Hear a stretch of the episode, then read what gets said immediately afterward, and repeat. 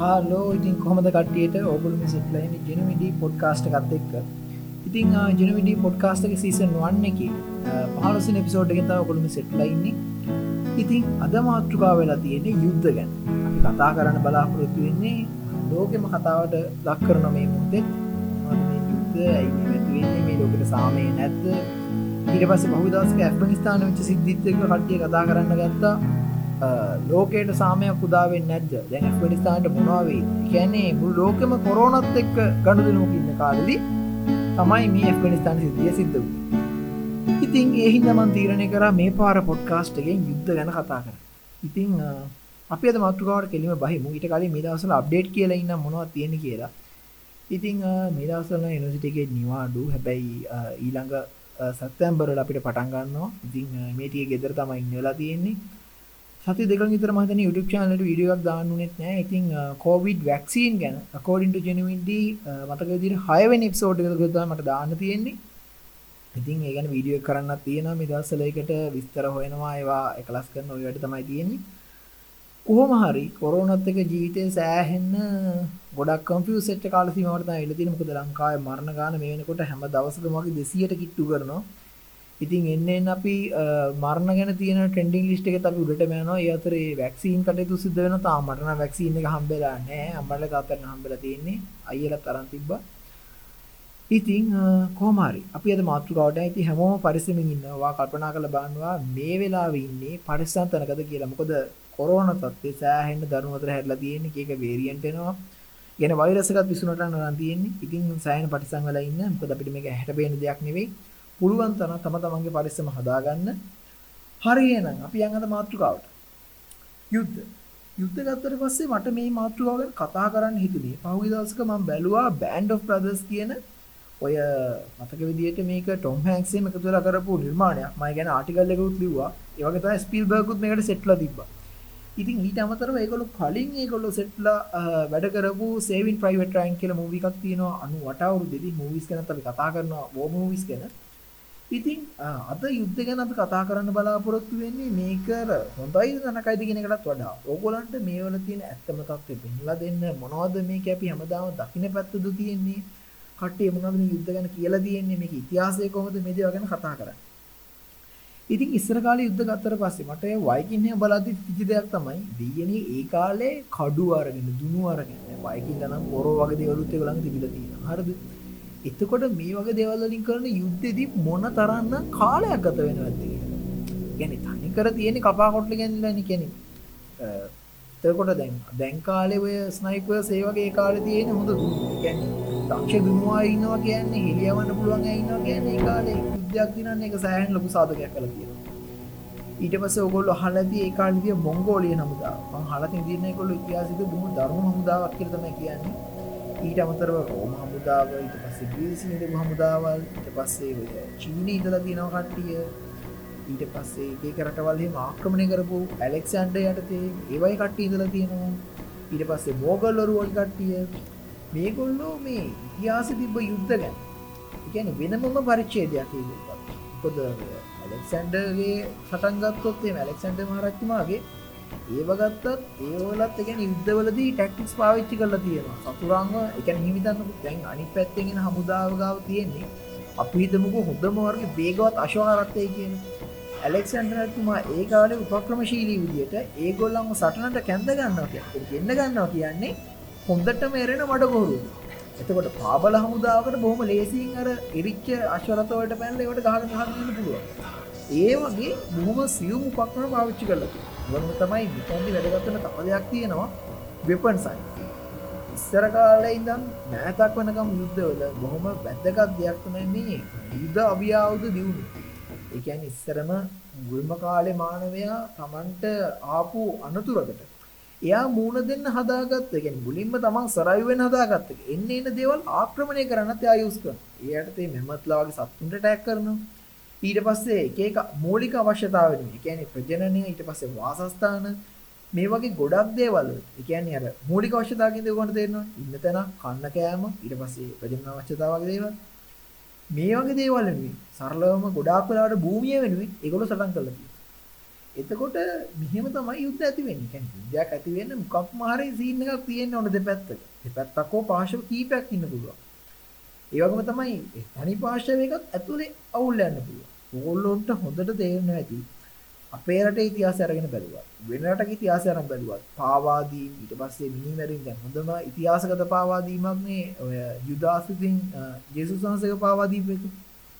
ඊට පස්සේ අර ඒ වගේ අර පාවාදීම් කුමන්ත්‍රණ මේ වගේ අර අවුල් රාශියක් මැද්දෙන් තමයි වර්තමානයේ අපි මේ ජීවත් වෙන ලෝකෙට ඇවිල්ලා තියෙන්නේ. බැයි දැන් කියලාත් ලෝක වෙනසක් තියෙනවද නෑ? අදටත් ලෝකේ රටවල් පෙළෙන කුමන්ත්‍රණයි. ඒ වෙන කීයක් සාර්ථක වෙනවද කීයක් මැඩපවත්වනවද කියන අපි දන්නේ නැහැ. මොකද ඉස්සර කාලේ තිබ්බේ මේ වගේ මූණට මූණ සටන් වුණාට දැන් එන්නේ එන්නේ ඒවා අර අර කෙලින්ම අර මොලෙන් ගහන ගේම් එකක් බාටපත් වෙලා තියෙනවා. ඉතින් යුද්ධයක් කියන දේ ඇති වෙන එක ගත්තට පස්සේ අර මූලික අවශ්‍යතාවවලින් පටන් අරන් වර්තමාන වෙනකොට නොඑක ආකාරයේ ඒ කියන්නේ දැන් එනකොට තියෙන ආර්ථිකමය යුද්ධ. උදාහරණයක් විදිහට චීනයයි ඇමරිකාව අතර තියෙන ආර්ථික යුද්ධයක්.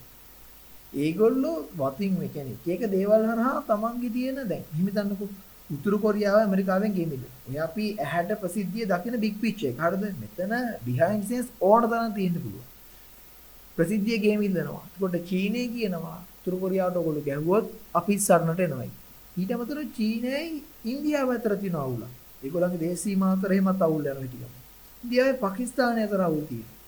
එතකොට වර්තමානයේ වෙද්දි මේගොල්ලෝ ප්‍රසිද්ධියේ ගහමරා ගන්න වඩා මම හිතන්නේ ඉන්දියාව පාකිස්තාන අතර නම් හිටි ගමන් වෙඩි හුමාරු යනවා කාශ්මීරයට අදාළව ගොඩාක් වෙලාවට කට්ටිය බලන්නේ පුළුවන් තරම් මේක ෂේප් එකේ තියාගන්න. හැබැයි අපි දන්නේ මේ කියන අර අර මේ කියන යුද උණුසුම කොච්චර කාලයක් තියේද කියලා. මොකද අපිට ඕක පය වෙන වෙලාවක් අපිට හරියට කියන්න බෑ. ප්‍රශ්නේ වෙන්නේ දැන් ගොඩාක් යමට මතකයි පහුගිය කාලේ උතුරු කොරියාවේ මේ එකත් එක්ක කතා කරා. තුන්වෙනි ලෝක යුද්ධයක් එයි කියලා. ඒක ගේම් එකක දකින්න තරම්, ෆිල්ම් එක දකින්න තරම් ඒක ආතල් එකක් නෙවෙයි. මොකද අපි වගේ පට්ටම රිස්කී ආර්ථිකයක් තියෙන රටවල් වලට හුම්බෙන් යන්න වෙනවා එහෙම යුද්ධයක් આવුත් මොකද ලංකාව හොඳ පොරේල්ලක් ආදින අවුරුදු 30ක යුද්ධක ඉඳලා තාමත් අපිට ඒකේ තිබ්බ සමහර කවුල් වලින් ගොඩ එන්න ගියක් නෙවෙයි. ඉතින් කොහොම හරි ඔය යුද්ධ ඇති වෙන එක ගත්තට පස්සේ මූලික අවශ්‍යතාවල දැන් වර්තමාන වෙනකොට නොඑක් ආකාරයේ අර අර ශේෂ්ත්‍ර ඔස්සේ මේ යුද්ධ කියන එක තියෙනවා. ඒකට ඒක ඉකොනොමිකල් වෝ කියන්නේ තව එකක්. ඒ වගේම තමයි අව්‍යාදෝලින් සිද්ධ කරන යුද්ධේ තව එකක්. ඉතින් මෙතනදි ගත්තාම අවියාවුද වල තිබුණා. එතකොට දැන් මුල්ම කාලේ නිකන් අර අර පොළු මුගුරු අරගෙන දීච්ච එක. ඒ කියන්නේ මානවයා ගල් යුගයේදීත් හදලා තියෙනවනේ තියුණු ආයුධ කියන දේවල්. ඒ කියන්නේ මස් ඉරා ගන්න පුළුවන්, දෙයක් හිට කරන්න පුළුවන්. ඒ වගේ දේවල් ඒගොල්ලෝ හදලා තියෙනවා. එතකොට මුල් කාලේ අර සාමාන්‍යයෙන් හදාගෙන ඉන්න හෙලිවල ඉඳන් පස්සේ දුන්න වගේ දේවල් ඇවිල්ලා. ඊට පස්සේ කඩු, ඊට පස්සේ මේවා එක එක විදිහට මුවහක් තියලා. ඊට පස්සේ ඒවල ඉක්මනින් මේවා නොකැඩෙන විදිහට බොහොම ශක්තිමත් විදිහට පන පොළ ඒවා හදන්නවා. ඊට පස්සේ ඊතල ගත්තත් ඒකට එතකොට ඒවට විස කවපු ඊතල හදලා තියෙනවා. එක එක සත්තුන්ගෙන් ගන්න ශාක වලින් ගන්න විස පාවිච්චි කරලා ඊට පස්සේ සෑහෙන දුර තියන්න පුළුවන් ඊතල. ඊට පස්සේ චීනයේම ගත්තොත් මම හිතන්නේ ඒගොල්ලෝ ඒගොල්ලන්ගේ ලොකු ටර්නින් පොයින්ට් එකක් වෙඩිබේත් හොයාගන්න. මුළු ලෝකෙටම. වෙඩිබේත් කඩදාසි ඔය වගේ ගොඩාක් දේවල් චීනය හොයාගෙන තියෙනවා චීන ජාතිකයෝ. එතකොට මේගොල්ලෝ මේ කියන වෙඩි බෙහෙත් හොයාගත්ත එකත් ලෝකයේ මම දකින විදිහට එක විදිහට ටර්නින් පොයින්ට් එකක්. මොකද මුල්ම කාලේ ගන්ස් කියලා පාවිච්චි කරලා තියෙන්නේ ඇත්තටම අර අර හෑන්ඩ් කැනල්ස් ඒවට කියන්නේ. කියන්නේ අර අර අත්කාල දුවක්කු කියලා හිතා ගන්නකො. ඒ වගේ ඒවා. ඉතින් චීනියා පාවිච්චි කරලා තියෙනවා කියනවා. එතකොට ඒගොල්ලෝ දුනු වලට අදාළවත් මම අහලා තියෙන විදිහට ඒගොල්ලෝ අර අර යම්කිසි ඉලක්කයක විදිහට පුපුරලා යන විදිහේ දුනු හදලා තියෙනවා. ඕගන්ට මේක ගැන හොඳම අයිඩිය එකක් ගන්න පුළුවන් චයිනිස් ඩොකියුමන්ටරි එකක් තියෙනවා කාලට කලින් ජාති රූපවාහිනිය කියවන මතකයි කැමල් කරවන් කියලා. අන්න ඒකේ තිබ්බා ඒ වගේ අයිටම් කීපයක් ගැන අර ලොකු විසිල් එකක් තියාගෙන ගිහින් ඉවල අර එක එක පණිවිඩ ලබා දෙන විදිහටල එහෙම තියෙන එක එක සීන් එකක් ඔය ගොඩක් ඕගොල්ලෝ දැකලා තියෙන ඔය ඔය කොරියන් ඊට පස්සේ චයිනීස් ජපන් මූවිස් වල සෑහෙන ඔය දුන්නින් තියෙන එක කොරියන් ඒවල නම් සෑහෙන එක හයිලයිට් කරනවා.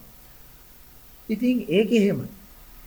ඊට පස්සේ යුද්ධය කියන්නේ මේ අවියාවුද වල දියුණුව කියන එක ගත්තට පස්සේ මේකේ තවත් ස්ටෙප් එකක් තමයි මම ඩොකියුමන්ටරි කීපයක් බලුවා සාමාන්‍ය මේවා ගැන මොනවද අපිට හොයාගන්න පුළුවන් විස්තර කියලා බලන්න.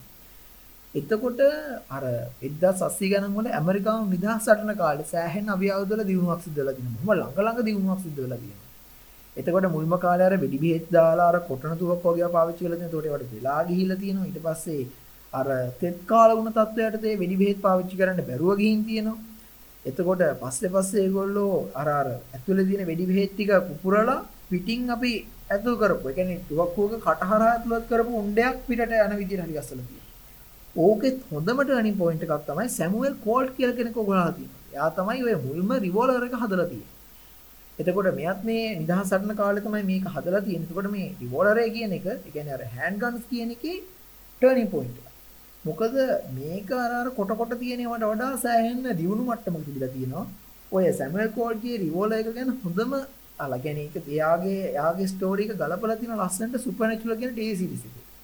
ඒකෙදිත් ඔය රිවෝල්වර් එක ගැන කියන්නේ එක එක විදියක ජනප්‍රවාදයක් වෙන පුළුවන් හරිය ලස්සනට ඒක ගලපලා තියෙනවා. ඉතින් වා සුපර්නැචුරල් ෆෑන් කෙනෙක් නම් මං හිතනවාට මේක මතක ඇති කියලා. ඔය තමයි සුපර්නැචුරල් බලන්න නැත්තම් අනිවාර්යෙන් බලන්න ගන්න. හැබැයි සීසන් 15ක් විතර තියෙනවා. එක එපිසෝඩ් 22ක් විතර තියෙනවා. ඉතින් ටයිම් එක තමයි තියෙන ප්‍රශ්නේ. කොහමද බාන ගන්න මොකද මාත් ඉන්නේ දැන් මං හිතන්නේ සීසන් 8 වල මුල හරි. මටත් තාම ඒක ඉවරයක් කරගන්න බැරුව ඉන්නේ මොකද වෙලාව සෑහෙන යනවා. හරි ආයෙමත් අපි ඉඳමු මාතෘකාවට එමු. ඉතින් අර මේ කාලෙදි ඇමරිකානු නිදහස් සටනේ අවසාන කාලෙදි ඇත්තටම අර උණ්ඩ කියන දේවල් වල මුල්ම ආකාර දේවල් ඇවිල්ලා තියෙනවා. ඊට පස්සේ අපි අහලා තියෙන දැන් අපේ රටත් 1505 දී පෘතුගීසි ආවට පස්සේ මම හිතා ලංකාවටත් අවියාවුද කියන දේ බොහොම සාමාන්‍ය දෙයක් වෙනවා 1800 ගණන් වෙනකොට. මොකද තමන්ගේ විරුද්ධ පාර්ශවයේ අවියාවුද ගොඩාක් සටන් වලදී අනිවාර්යෙන් අපේ ඈතටපත් වෙන්නේ නැති. ඊට පස්සේ අපේ ඈත් මේක ස්ටඩි කරන්නේ නැති. මෙහි තියෙන රත්නපුර කෞතුකාගාරයේත් මම දැකලා තියෙන හැම කීක පාවිච්චි කරා කියන තුවක්කු වල ආකෘති. මේවා ගොඩක් වෙලාට අර කොටන තුවක්කු වගේ තමයි තිබිලා තියෙන්නේ. ඊට පස්සේ තව අහලා තියෙන ඔය මේ ඉන්දියාවේදී සුද්දු ඒ කියන්නේ ඉංග්‍රීසි ජාතික පාවිච්චි කරලා තියෙනවා කියලා අර විස කාපු උණ්ඩ జాතියක්.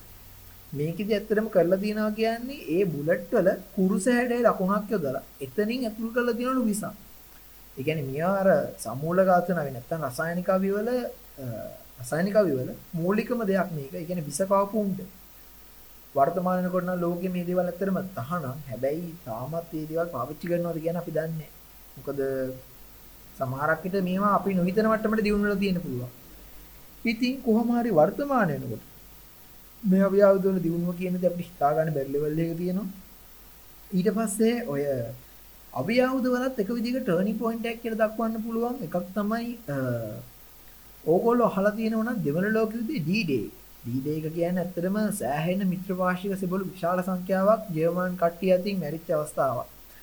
මේ D-Day එකේදී පාවිච්චි කරපු ජර්මන් අය ඉදිච්ච ප්‍රබලම අවියක් තමයි ජර්මන් මැෂින් ගන් MG42 මේ ගන් එකේ තිබිලා තියෙන එච්චර කාලයක් පාවිච්චි කරපු මැෂින් ගන් වල ආකෘතිය නෙවෙයි ඒකේ තිබ්බ එක්තරා අඩුපාඩුවක් ඒකවල ඩිවලොප් කරලා තියෙනවා. කියන්නේ මේ කියන ගන් වල පවර් එක කියන්නේ ටික වෙලාවක් ඇද්දි මේ ගන් හීට් වෙන්නත් ගන්න. කියන්නේ එච්චරටම අර අර විනාඩියකට පිට කරන්න පුළුවන් උණ්ඩ සංඛ්‍යාවේ සෑහෙන ලොකු පවර් එකක් තියෙනවා. මේක හේතු වුණා හැටි Uh, YouTube එකත් බලන ඩොකියුමන්ටරි තියෙනවා මේ කියන්නේ D-Day ගැන ඩොකියුමන්ටරි තියෙන ඒවල පෙන්වනවා කොහොමද මේ NG42 කියන අවිවල තිබ්බ ප්‍රබලතාවෙත් එක්ක uh, මිත්‍රපාක්ෂික හමුදාවේ විශාල ප්‍රමාණයක් මැරුණේ කියලා කියන්නේ. මිත්‍රපාක්ෂික කට්ටිය ගහපු ප්ලෑන් වරදිනවා කියන්නේ ඒකත් uh, D-Day එක කියන්නේ ඇත්තටම යුද්ධ ගැන කතා කරනකොට ඒක කතා කරන්න මොන පොයින්ට් එකක් මොකද ඒක ඇත්තටම තනිකරම මොලෙන් ගහපු ගේම් එකක් තමයි දෙපැත්තෙම වැඩ කරේ. එහෙම අපි එතනට කතා කරගෙන ඉමු. එතකොට MG42 කියන ගන්න. ඊට පස්සේ දැනටත් ඔය ගේම් ගහන ගොඩක් අය කියන ප්‍රසිද්ධ අවියක් තමයි K98. මේක ගොඩාක් වෙලාවට අර අර ලෝඩ් කරන්න ඒ වගේම තමයි ෆයර් කරන්නත් ගොඩක් කියන්නේ මේ කාලේ හැටියට බොහොම දියුණු අවියක් වෙලා තියෙනවා. ඒ තමයි ජර්මන් වෙපන්ස් ගැන විශේෂයෙන් කතා කරන්නේ. ජර්මන් කට්ටිය උණ්ඩවල ඒ කියන්නේ ඒගොල්ලෝ දපු ජර්මන් කවුන්ටර් පව් ගන් පවුඩර් කියන එක. ඒ කියන්නේ ජර්මන් වෙඩි බෙහෙත් කියන එක. ඒ කියන්නේ ඒගොල්ලෝ දෙවන ලෝක යුද්ධ කාලේ පළවෙනි ලෝක යුද්ධ කාලේ වුණත් ඒගොල්ලෝ හදපු ගොඩක් නිර්මාණ ඒ කියන්නේ අදටත් බඩු වැඩ කරන්න පුළුවන් විදිහ තමයි ඒගොල්ලෝ හදලා තියෙනවා කියන්නේ. කියන්නේ එච්චරටම පර්ෆෙක්ට්. මම මේ විදිහට පර්ෆෙක්ට් නිර්මාණ යුද්ධ කාලෙක තියෙන්නේ කියන එක ගැන කතා කරන්නම් ඉස්සරහට. ඊට පස්සේ ගත්තොත් එහෙම ඔය ඕගොල්ලෝ Call of Duty මුල්ම ගේම් එක ගහලා තියෙනවා නැත්නම් අර පස්සේ ආපු එකක් ගහලා තියෙනවා නම් World War එකට දාලව හොඳටම මතකින් සද්දයක් තමයි ඔය German MP40 කියන වෙපන් එකේ සද්ද. හරිම අමුතු නිකන් ටක ටක ටක ගන්න සද්දයක් තමයි තියෙන්නේ. ඉතින් මේ කාලේ දෙවන ලෝකීය කාලේ වගේ වෙනකොට සෑහෙන අවියවුදුළු දිනුමක් ලැබිලා තියෙනවා. ඊට පස්සේ ඔය කාලදුවක් වගේ දේවල් D-Day එකේදී කාලදුවක් යූස් වෙලා තියෙනවා.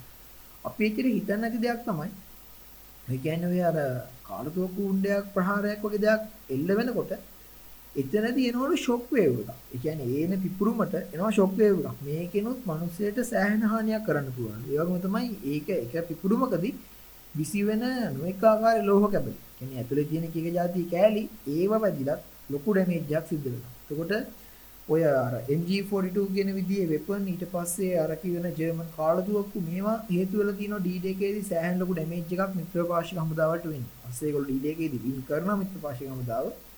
හැබැයි සෑහෙන ලොකු මරණ සංඛ්‍යාවක් තනි දවසක් වලදී සිද්ධ වෙච්ච අවස්ථාවක් විදිහට ඒක ඉතිහාසගත වෙනවා.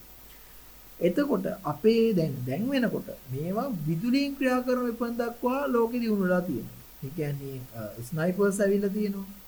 ඊට පස්සේ ඔයගොල්ලන්ට ගේම් එකක් ගත්තා තේරෙන්නේ පුළුවන් තරම් රියලිස්ටික් කරන එක try කරලා තියෙනවා දැන් කාලේ තියෙන අලුත්ම වෙපන් අඳුරලා දීලා. ඊට පස්සේ ගොඩක් වෙලාවට මම YouTube එකේ නිකන් අර සැටිස්ෆිකේෂන් වීඩියෝස් එක බලන જાතියක් තමයි ඔය වෙපන් වලින් කේක කරන අත්දා බැලීම. අර නිකන් එඩ්වින් කියලා කෙනෙක් ඉන්නවා මතක විදියට.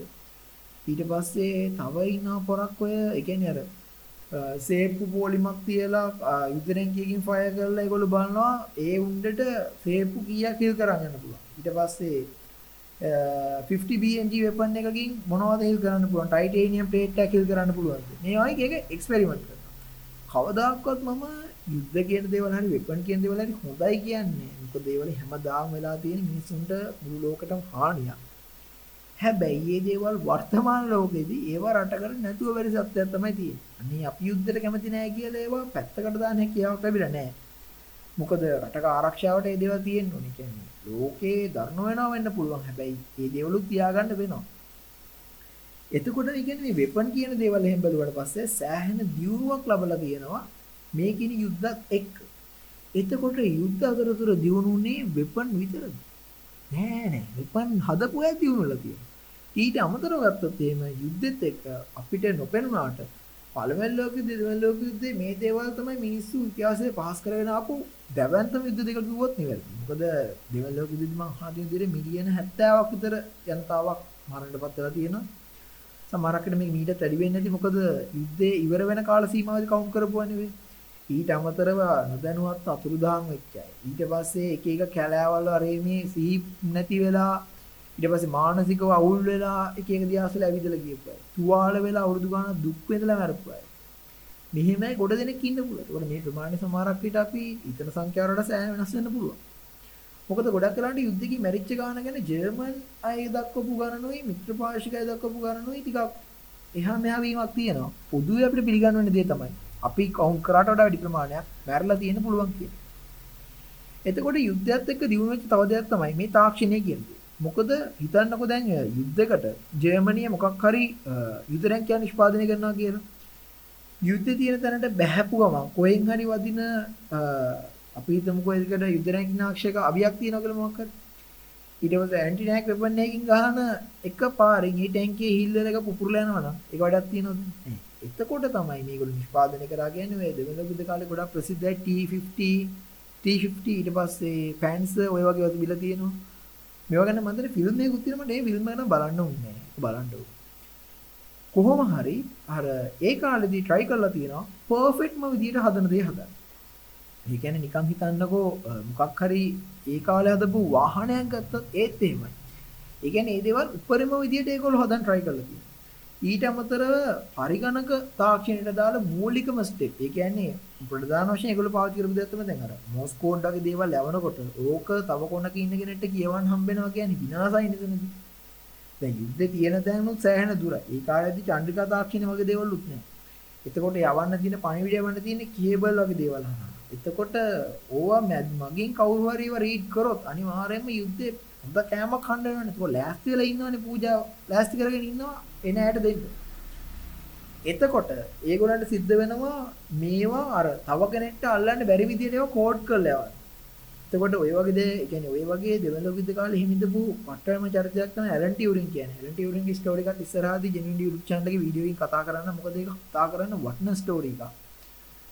ඉතින් අර කම්පියුටර් වල තියෙන මූලිකම ආකාරයේ දේවල් ඒ කියන්නේ එහෙම බැලුවොත් එහෙම අර අර ඒවල ආරක්ෂාව ගැන හිතපු මූලිකම ආකෘතියක් තමයි හැදලා තියෙන්නේ යුද්ධ කාලේ.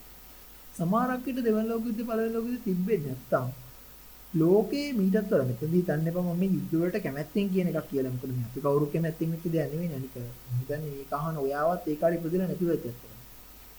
මොකද පළවෙනි ලෝක යුද්ධ වල තියෙන 914ත් 917ත් අතර ඊට පස්සේ දෙවන ලෝක යුද්ධ වල තියෙන දැනතර මේක 942 945 වගේ කාලෙකට තියලා තියෙනවා. ඔව් 945 වෙනකම්.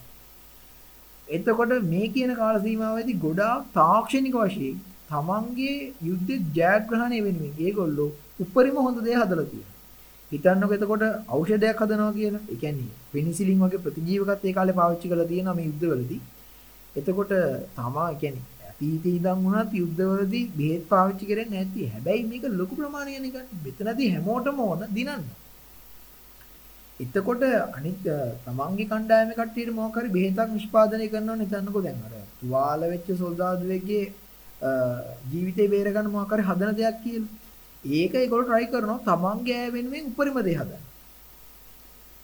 එතකොට අන්න එහෙම. ඉතින් ඒක ගත්තාම පස්සේ එතකොට අර sannivedanayට ගත්තත් ඊට පස්සේ සිතියම් වගේ දේවල් හදන එක ඊට පස්සේ තාමනත් අභියවුද හදන එක ඊට පස්සේ වාහනවල දියුණුව පවර්ෆුල් යුදරැංගියක් හදන කතාව ගත්තට පස්සේ එතකොට ඒකේ එන්ජිමේ ඉඳන් ඊට පස්සේ ඒකට පාවිච්චි කරන ගන්ස් වල ඉඳන් ඒවල දියුණුවක් තියෙන්න ඕන.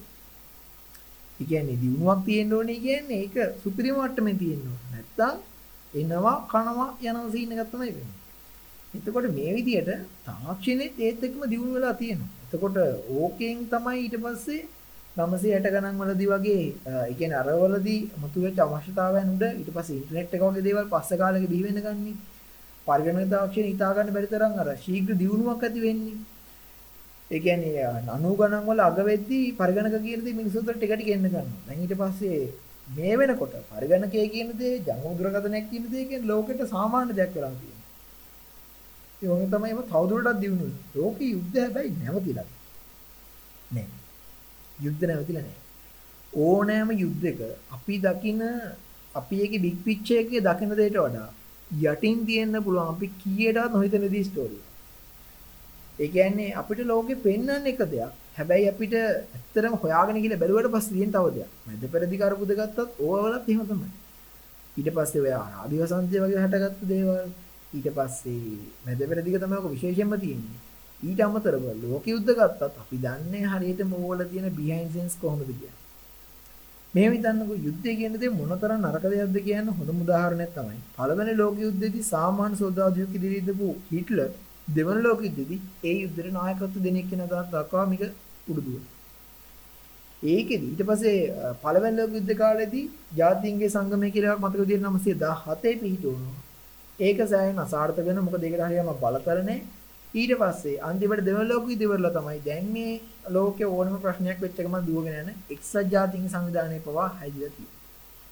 ඒ කියන්නේ දැන් මිනිස්සු ගොඩ දෙනෙක් අහනවා ඇයි මේ යුද්ධයෙන් මේගොල්ලෝ ප්‍රයෝජන මේ කියන්නේ පාඩමක් ඉගෙනගෙන නැත්තේ ඇයි මිනිස්සු මේ මරාගන්නේ? තව කොච්චර ජීවිත නැති වෙන්න ඕනද? ඒක මේ ලෝකෙට ආදරය කරන මේ ලෝකෙ ගැන සංවේදී වෙන මිනිස්සුන්ට දෙන දෙයක් විතරයි. ඇත්තටම යුගසිතියමක් දිහා බලාගෙන හොඳට ආවරණය වෙච්ච කාමරයක ලොකු ආරක්ෂාවක් යටතේ කෝපි බිබී ඉන්න මිනිස්සෙට වඩා අමාරු තත්යකට තමයි. ඇත්තටම යුද්ධක ඉන්න සොල්දාදුවෙක් මුණ දෙන්නේ. මොකද ඒක කවර කාලයක ගත්තත්. ඒ කියන්නේ මෙහෙම හිතන්නකෝ. රුසියාවත් එක්ක හැප්පෙන්න ගිය එක පොරක් තමයි නැපෝලියන් කියන්නේ. ඊට අමතරව රුසියාවත් එක්ක හැප්පෙන්න ගිහලා හොඳ මේකෙන් දැනගත්ත කෙනෙක් තමයි හිට්ලර් මේ දෙගොල්ලන්ටම බල මුහුණ දෙන්න සිද්ධ වෙන්නේ ලෝකේ ගොඩාක් අයට මුහුණ දෙන්න අමාරුයි කියපු රුසියානු සීතලට. එතකොට ඒ සීතල කියන දේට ලෑස්තිලා ගියේ නැත්තම්. හැබැයි කතාවක් තියෙනවා දෙවන ලෝක යුද්ධ කාලේදී නම් ජර්මන් සොල්දාදු යම්ගේ සූදානමක ඉන්දියයි කියලා ඒ තිබ්බ සීතල කාලගුණයට. හැබැයි ඒගොල්ලන්ට යුද්ධ පරදින සිද්ධ වෙනවා. මොකද ඒගොල්ලෝ පස්සේ කාලේ කියලා දෙන එක අනදීප් අය මේකේ සැබෑ අද්දකින් තියෙන කට්ටිය කියලා තියෙනවා. ඇත්තරම සෝවියට් සොල්දාදුවන්ගේ තිච්ච නොපසුබට උත්සාහය ඒගොල්ලන්ව සෑහෙන දුර්වල කරා. ඉතින් ඇත්තටම ඕනම යුද්ධයක යටින් තියෙන පුළුවන් අපි නොහිතන දේ ස්ටෝරි එකකට අමතරව තවත් ස්ටෝරි ගොඩක් සමහරකට අපි දන්නේ කෙනෙක්ට මොකක් හරි රටක් ගැන ඇති වෙච්ච වැරදි ආකල්පයක්ද මේ වෙනකනුත් ඒ රටේ යුද්ධයක් තියෙන කියලා. ගොඩක් වෙලාවට මැද පෙරදි කරන හෙනයක් වෙච්ච දෙයක් තමයි ඒගොල්ලෝ ගාව තියෙන වටිනාම සම්පත කණිජිත. මේ කියන තෙල් සම්පත වෙනුවෙන් සෑහෙන්න ඒගොල්ලන්ගේ අවුල් ගිහිල්ලා තියෙනවා. ඊට පස්සේ අපි නොහිතන විදිහේ ස්ටෝරි තව එකක් තමයි ඔහොම එකක් තමයි අහලා දින විදිහට ඔය දැන් ගඩාෆි නරක කෙනෙක් එහෙම කියලා මරාගෙන මරාගෙන ගිහිල්ලා අන්තිම බැලිද්දි නම් එතනදී අර හම්බෙච්ච දෙයක් නෑ වගුණා ලිබියාව ඇතුළේ. ඔයිට අමතරව සදාම් හුසේන් ඔහොම මරාගෙන ගිහිල්ලා ඉවල අන්තිමට බැලුවාන් පස්සේ එතනත් ඒගොල්ලෝ කලින් කියපු දේ නෙමෙයි එතන තිබ්බේ. එතකොට වර්තමානයේ ඉස්සර කාලේ අවශ්‍යතාවයක් වෙනුවෙන් යුද්ධ ඇති වෙනවා. දැන් වෙලා තියෙන්නේ යුද්ධ වෙනුවෙන් අවශ්‍ය දේවල් නිර්මාණය වෙනවා. ඒ කියන්නේ ඉස්සර කාලේ යුද්ධ කරන්න තමයි අභියාවුද හැදුවේ. දැන් අභියාවුද හදන්නේ තනිකර යුද්ධ සිද්ධ වෙනවා. එතකොට වර්තමාන වෙනකොට අභියාවුද කියන දේ වෙන මාෆියාවක් වෙලා තියෙනවා. ඒ කියන්නේ ලෝකේ තියෙනවනේ එහෙම අර টොප් රෑන්ක් මාෆියාවල් තියෙනවනේ. එකක් තමයි ඖෂධ ජාවාරම, ඊට පස්සේ මිස් ජාවාරම, ඊට පස්සේ මුද්‍රව්‍ය ජාවාරම. ඕකටම ජොයින්ලා තියෙන තවත් එකක් තමයි ආයුධ මාෆියාව. එතකොට අහලා දින විදිහට නම් කියන්නේ මන්න මට තාම හිතා ගන්න බෑ කියන්නේ ඇමරිකාව කොහොමද හිතකින් මේ තමන්ගේ ඉන්න සෝල්ජර්ස් ලා ඇෆ්ගනිස්තානයේ අයින් කරගත්තේ සමහරක් ඒගොල්ලන්ට ආර්ථික ප්‍රශ්න තියෙනවා ඕවා වෙන්නත් පුළුවන් හැබැයි ගොඩක් වෙලාවට ඔය යුද්ධවල ඔයගොල්ලෝ හොඳට බලන්න IS රස සමාජිකයෝ ගාව. ඒ කියන්නේ පරණ වීඩියෝ හරි අරන් බලන්න. ඒ වලත් ඒගොල්ලෝ අතේ තියෙන්නේ අලුත්මයි. ගොඩක් වෙලාවට. කොහොමද ඒගොල්ලන්ට ඒ දේවල් ලැබෙන්නේ කියන්නේ මේ සුපිරිම જાතියව දැන් ඒගොල්ලෝ හැදුවයි කිව්වත් අපිට හිතන්න බෑනේ. එච්චර ටෙක්නොලොජි එකක් තියෙනවා කියලා ඒගොල්ලෝ ගාව. තියෙන්න පුළුවන්. හැබැයි මේ තරම් දියුණුව මෙච්චර ගොඩක් තියෙන්නේ. අන්න එක තමයි තියෙන ප්‍රශ්නේ. ඒ කියන්නේ වර්තමාන වෙනකොට ලෝකේ තියෙන යුද්ධ වෙනුවෙන්ම වෙනම අවියවුද නිෂ්පාදනය වෙන එක අපිට හිතා ගන්න බැරි තරම් ලොකු ඉන්ඩස්ට්‍රි එකක් වෙලා තියෙනවා. ඒකට ඉන්ඩස්ට්‍රි එකේ පොරවල් ඉන්න පුළුවන්. ඒගොල්ලන් උමනාවල් වලට ලෝක පුරාවට යුද්ධ සිද්ධ වෙන්න පුළුවන්. එතකොට සාමාන්‍ය මිනිසුන්ට සිද්ධ වෙලා තියෙනවා සේරම දේවල් ඉවසගෙන මේ කියන යුද්ධ වලට අකමැත්තෙන් උනත් මුහුණ දෙන්න. මුළු ලෝකෙම සෑහෙන ෂොක් කරපු දෙයක් තමයි. අර ඇෆ්ගනිස්තානෙන් පලායන ඇෆ්ගන් සිවිල්ස් දන්නේ කවුද කියන්නේ හරියටම ඇෆ්ගන් මිනිස්සු දෙන්නෙක් ආර ඇමරිකන් ප්ලේන් එකකින් බිමට වැටුණා. ලෝකේ තවත් තවම ෂොක් වෙච්ච අවස්ථාවක් තමයි උගන්න මතකද දැන රතු පාට ෂර්ට් එකක් ඇඳගත්ත පුංචි පිරිමි ළමෙක් ලිබියාවේ මුහුදු වෙරළකටද කොහෙද මැරිලා ගොඩ ගහපු කොච්චරන ලෝකේ සරණාගත ප්‍රශ්නයක් ඇතිලා තියෙනවා. ඒ කියන්නේ ඔය අරාබි වසන්තයේ ඉතිගෙන් පටන් අර මතක විදිහට අරාබි වසන්තයේ පටන් ගත්තේ 2011 ටියුනීසියාවෙන් වගේ. ඊපස්සේ සිරියාව, ලිබියාව, ඊජිප්තුව ඕව හරහා මේක ආවා. එතකොට ඕවා වලත් සෑහෙන ප්‍රමාණයක් මරනවා. අදටත් සිරියාව ඔහේ මරා ගන්නවා. පාර්ශව ගොඩක් ඉන්නවා. ඒවයිත් මරා ගන්නවා. ඔය අතරේ තස්ත නායකයෝ කියපු ඔසාමා බින් ලාඩන් වගේ මරුණයි කිව්වා. හැබැයි තාමත් මේ දේවල් ඒ විදිහටම ලෝකෙ දුර ලංගනවා. ඊට අමතරව යුද්ධ වලට දාලා තවත් ආව මරුම කන්සෙප්ට් එකක් තමයි. මේක ගොඩක් වෙලාවට මේක හයිලයිට් වෙච්ච අවස්ථාව තමයි වියට්නාම් යුද්ධය. මොකද දෙවන ලෝක යුද්ධ කියන්නේ මුළු ලෝකෙම ඇයට අකමැත්තෙන් හෝ අකමැත්තෙන් දායක වෙන්න සිද්ධ වුණා. යුද විරෝධය කියන එකේ හොඳම අවස්ථාවක් තමයි වියට්නාම් යුද්ධය. වියට්නාම් යුද්ධෙදී මේකට විරුද්ධ වෙච්ච මූලිකම චරිතයක් තමයි මොහොමඩ් අලි. මොහොමඩ් අලි ඒ කාලේ එයා කියන්නේ ක්ලැෂියස් ක්ලේ කියලා එයාගේ මුල් නම තිබ්බි. පස්සේ එයා මොහොමඩ් අලි බාටපත් වෙනවා. එයා වියට්නාම් යුද්ධයට යන්න එක ප්‍රතික්ෂේප කරපු හින්දා. ඒ කියන්නේ සොල්දාදුවෙක් විදිහට වියට්නාම් යුද්ධයට යන්න එක ප්‍රතික්ෂේප කරපු හින්දා එයාව හිරේ දාලා එයාගේ තිබ්බ මෙඩල් පව එයාගෙන් අයින් කළා. ඒ කියන්නේ එයාගේ ජීවිතේ හොඳම කාලයක් ආට නැති වෙනවා. ඒත් එක්කම තව ගායක විතර තියෙනවා බොබ් ඩිලන් එයාගේ තියෙන සින්දුවක් the solution is my friend blowing in the wind කියලා. කොහමද සින්දුවේ නම? Blowing in the wind. ඒ කියන්නේ එතනදිත් ප්‍රශ්න කරන්නේ. තව ලෝකේ කොයිතරම්නම් උණ්ඩ ප්‍රමාණයක් බිම වැටෙන්න ඕනද මිනිස්සු? ඒ කියන්නේ මිනිස්සුන්ට මේ යුද්ධ කියන එක නරකයි කියලා තේරෙන්නේ. තව කොච්චර ලේ වැగిරෙන්න ඕනද මේ යුද්ධ කියන එක නරකයි කියලා තේරෙන්න කියලා. ඒ කියන්නේ ඒ විදිහට වියට්නාම් යුද්ධ කාලෙදී මේ අර යුද්ධ විරෝධය කියන එක සෑහෙන තදින් ගිහිලා තියෙනවා. මොකද ඇමරිකාවේ අහක තියෙන යුද්ධයකට තමයි මැදිහත් වෙන්නේ කියන්නේ තමන්ගේ රටට කිසි අදාළත්වයක් නැති වියට්නාමයේ ඉන්න මිනිස්සුන්ට අපි ගහන්න යන්න ඕනේ නැහැ කියන මතය දරපු කට්ටිය ඇමරිකාවේ ජීවත් වෙලා තියෙනවා. ඒකට ඇමරිකාවේ ඒ හරහා උද්ඝෝෂණ සිද්ධ වෙලා තියෙනවා. ඒ කියන්නේ අර යුද්ධ විරෝධය කියන්නේ යුද්ධ ගැන කතා කරනකොට තවත් එක අවස්ථාවක්. මීට අමතරව අපිට කතා කරන්න තියෙන තවත් පොයින්ට් එකක් තමයි war movies. සමහරක් වෙලාවට නිර්මාණය හරහා අපිට පුළුවන් යුද්ධය කියන දේ මොනතරම් නරකද කියන එක ලෝකෙට පෙන්නන්න. තවත් වෙලාවට දේ නිර්මාණ හරහා පුළුවන් යුද්ධය කියන දේ මාර දෙයක් බුදු අම්මෝ යුද්ධයක් තිබෙන්නේ නැත්නම් වැඩක් නැහැ වගේ තත්ත්වයක් ඇති කරගන්න. මේක අඩුවැඩි වශයෙන් ලෝකෙ සිද්ධ වෙනවා. හැබැයි ලෝකෙ තියෙනවා එහෙම අපිට යුද්ධ ගැන. කියන්නේ යුද්ධ ගැන ඇත්තටම නරක දෙයක් නෙමෙයි. මේක ඇත්තට මිනිස්සු ඇති කරගන්න හොඳ නැති දෙයක්. පුළුවන් තරම් බලන්න ඕන සාමකාමීය ප්‍රශ්න ඉස්සලා. එතකොට හැබැයි මේක ඒ යුද්ධ කියන දේ අවශ්‍ය වෙන හැටි මේක තේරෙන්නේ නැහැ. එයාලට ඕන වෙන්නේ හැමදාම ප්‍රශ්නයක් ඇතිකරන්න ඒ හරහා ඒගොල්ලෝ මොනවා හරි දෙයක් ඒගොල්ලෝ උපය ගන්න ඇති. අපි ඒක හරියට දන්නේ කොහොම හරි මේ කියන වෝ මූවිස් වලත් ඔයගොල්ලන්ට රෙකමන්ඩ් කරන්න පුළුවන් විදිහේ මූවිස් කීපයක් තියෙනවා. මම මුලදී කියපු Band of Brothers කියන TV series එක බලන්න. ඒකටත් කලින් මේකට දායක වෙච්ච ටොම් හැන්ක්ස්ලා එහෙම රඟපාපු Saving Private Ryan කියලා මූවි එකක් තියෙනවා. ඒකත් බලන්න. ඒ Band of Brothers එක නයි කියන්නේ අර පට්ටම ලෙවල් එකේ තිබ්බ එක. මේක ඇවිල්ලා තියෙන 2001 වුණාට අදට වුණත් ඒ ලෙවල් එකට තියෙන මට්ටම. ඒ කියන්නේ අර අද කාලේට උනත් ගැලපෙන මට්ටමින් කරපු නිර්මාණයක්. ඊට පස්සේ තවත් ඒ කියන්නේ අර ට්‍රූ ස්ටෝරි එකක් බේස් කරගෙන හදිච්ච එකක් තමයි හැක්සෝ රිච් කියන්නේ. ඔය ගැනත් මම ලියපු ආටිකල් එකක් ඇති පේජ් එකේ ජෙනුවින්ඩි පේජ් එකේ. පොඩ්කාස්ට් එක අහන්න ඔයා ජෙනුවින්ඩි පේජ් එක ගැන දන්නේ නැත්නම් FB එකේ සර්ච් කරලා බලන්න ජෙනුවින්ඩි කියලා. ඒ කියන පේජ් එකේ මගේ ෆිල්ම් ගැන ඔය සයන්ස් සම්බන්ධ දේවල් ලයිෆ් එක ගැන යන ආටිකල් යන ඒවා කියවන්න පේජ් එක ලයික් කරන්න මොකද දැන් ලයික් 18 කිට්ටුයි පේජ් එක. ඉතින් ලයික් කරගෙන යන්න. ඒ වගේම ආටිකල් කියවලා ඔයගොල්ලන්ගේ අදහස් දක්වගෙන යන්න. මීට අමතරව තවත් හොඳ ෆිල්ම් එකක් තමයි ඩන්ට්‍රික් කියන්නේ. මේක හදලා තියෙන්නේ අපි ගොඩ දෙනෙක්ගේ ෆේවරිට්ම අධ්‍යක්ෂකවරයෙක් වෙච්ච ක්‍රිස්ටෝෆර් නෝලන්. ක්‍රිස්ටෝෆර් නෝලන්ගේ ඩන්ට්‍රික් කියන මූවි එකේ මම ගොඩක් ආසම දෙයක් තමයි ඒකේ තිබ්බර මියුසික්. හෑන්ඩ් සිම්මර් නිර්මාණය කරලා තියෙන මියුසික්. ඇත්තට මේක නෙක්ස්ට් ලෙවල් තියෙනවා. ඒ වගේම තමයි මේ ෆිල්ම් එක අර අර අංශ කීපයක් තියෙනවා. ඒ කියන්නේ ෆිල්ම් එක ඇතුලේ අපිට පෙන්වන කතා ස්තර 3-4ක් තියෙනවා. තුනක් විතර තියෙනවා අපිට කෙලින්ම හැට පේන්න. ඒ හැමදේම හරහා ඒගොල්ලෝ ඉතිහාසයේ වෙච්ච කියන්නේ දෙවන යුද්ධ කාලේ වෙච්ච ඇත්තරම වෙච්ච සිද්ධියක්. ඒගොල්ලෝ බොහොම ලස්සනට ඒ ෆිල්ම් එකට පෙන්නලා තියෙනවා. ඒක බලන්න.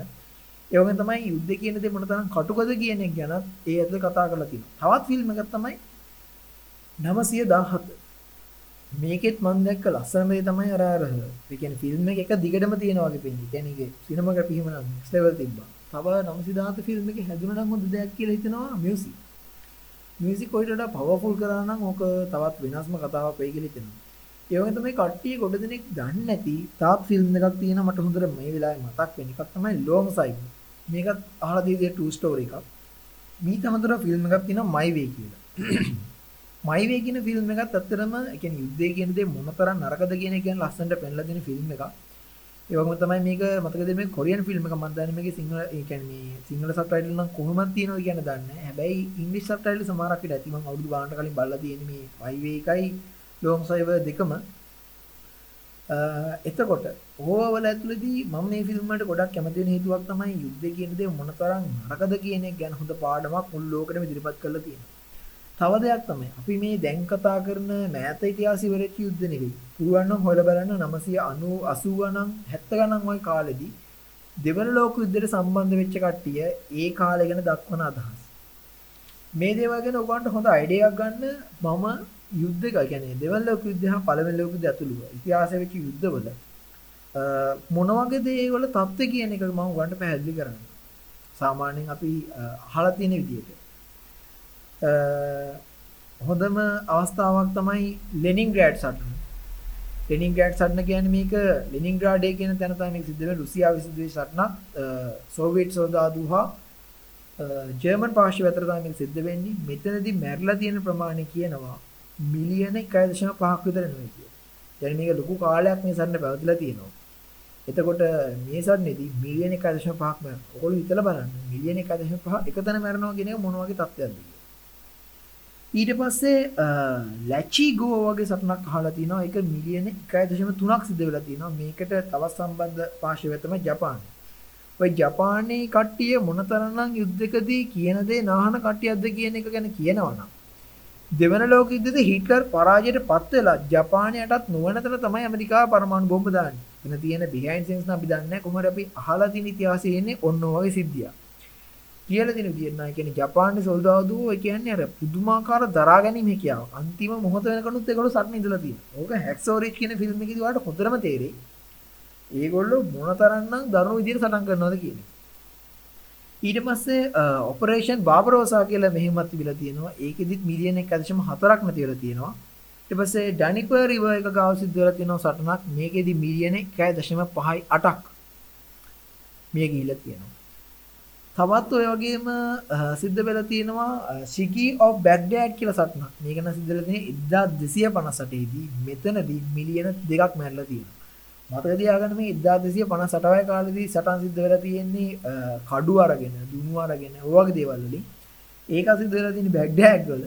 ඒකෙදි මිලියන දෙකක් මැරලා තියෙනවා මේ සටනේ. මේ සටන තිබිලා තියෙන්නේ බොහොම සීමිත කාල සීමාවක්. කියන්නේ දවස් කීපයයි තිබිලා තියෙන්නේ. ඒ සටනේදී මිලියන දෙකක් මැරෙනවා කියන්නේ සටනේ ප්‍රබලත්වය ඔයගොල්ලෝ හිතාගන්න.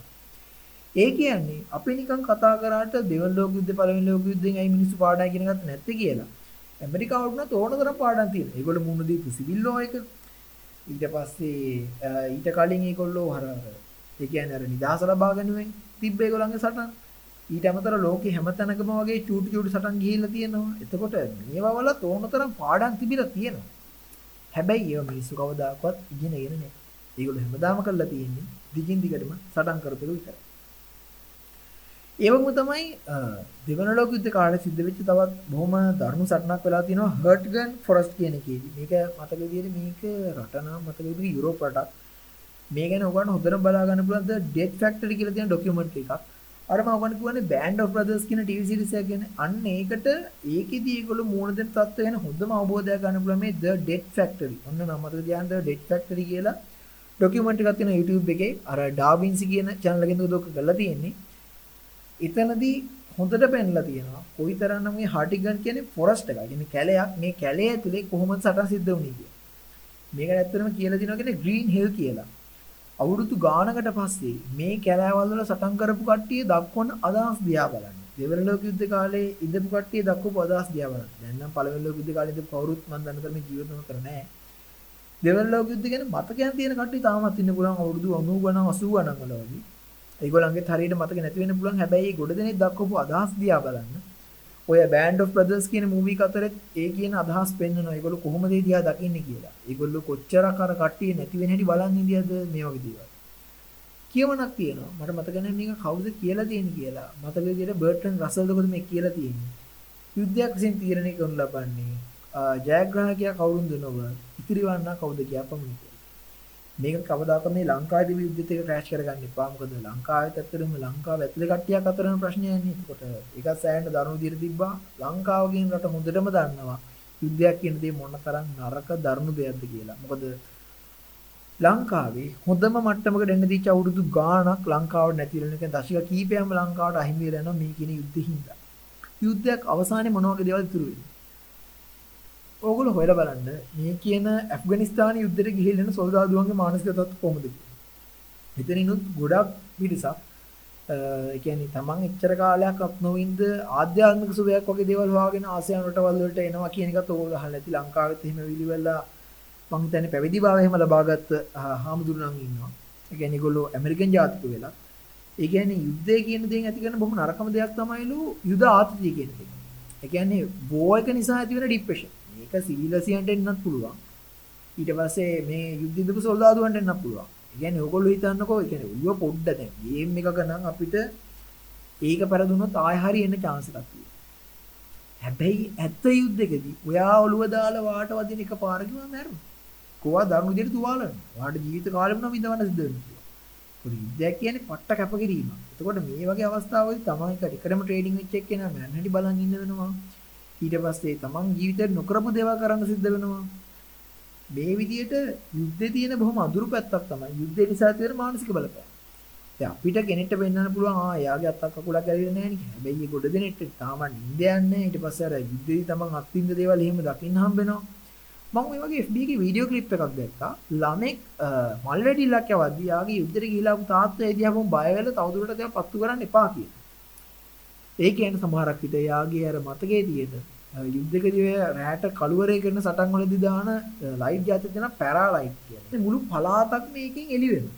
මේ පැරායි. එතකොට ඒ වගේ දේවල් හමුවේ යුද්ධේ දරුණු තත්ත්ව අත්විඳ කෙනෙක්ට පස්සේ කාලෙදී එන්න පුළුවන් දෙයක් තමයි මේ අර පෝස්ට් ටෙස්ට් කියන්නේ. මේක හරහා ගොඩ දෙනෙක් ලෝකයේ සෑහෙන්න අවුලකටපත් වෙලා තියෙනවා. ඒ වගේ තමයි මානසික වශයෙන් ආබාධයටපත් වෙලා තියෙනවා. ඒගොල්ලෝ සෑහෙන දුර්වල වෙලා තියෙනවා. සමහරක් අය සියදිහානි කරගෙන තියෙනවා. එතකොට යුද්ධ කියන දේ හැමදාම ලෝකෙට ගෙනල්ලා තියෙන්නේ සෑහෙන ලොකු ප්‍රශ්න කොටක්. තව දෙයක් තමයි ඕගලන්ට මතකද දන්නේ චර්නෝබිල් ටීවී සීරීස් එක බලලා තියෙනවනම් ඒකෙදි අර සොල්දාදුව එවිලි වල මේ අර අර විකිරණ බලපෑම ලක් වෙච්ච ප්‍රදේශවල කට්ටිය අයින් කරනවානේ. එතනදී සෝවියට් සමුවාණ්ඩුව කාලේ ඒ ජීවත් වෙන ගෑනු කෙනෙක් Taman ජීවිතේ මුහුණ දීපු යුද්ධ ගැන එතන ඉන්න සොල්දාදුවෙට අදහස් පළ කරනවා.